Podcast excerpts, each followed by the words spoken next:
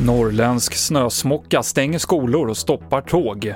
Snöröjning pågår efter spanskt oväder och vaccination av skånsk vårdpersonal börjar idag.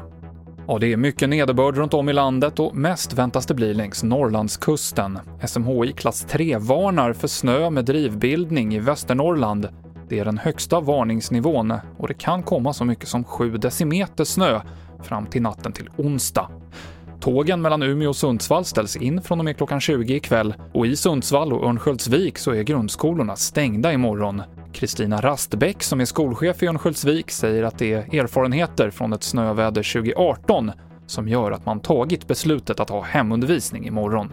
Ja, det som hände var ju att eh, Eh, många skolor och förskolor blev ju insnöade.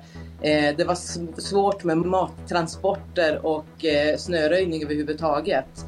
Och på en del skolor så blev man utsatt för strömavbrott också. Mer om snön och trafikläget på tv4.se. I Spanien så jobbar man hårt för att skyffla bort snö från vägarna efter helgens omfattande oväder.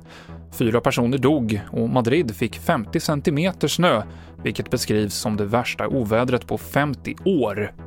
I veckan så blir det riktigt kallt i Spanien och för att inte snön ska frysa till och förhindra transporter av till exempel coronavaccin så tar man nu soldater till hjälp för att göra vägarna farbara. Och idag så börjar man vaccinera vårdpersonal i Region Skåne. Det är akutpersonal som det handlar om. Runt 3500 doser har skickats till några av sjukhusen i Skåne idag, skriver regionen i ett pressmeddelande. Folkhälsomyndighetens prioritetsordning för vaccin är att boende och personal på äldreboenden och personer som har hemtjänst ska få det först. Men i Skåne så har man flyttat fram en del av sjukvårdspersonalen i vaccinationskön. Och det här var TV4-nyheterna. I studion Mikael Klintevall.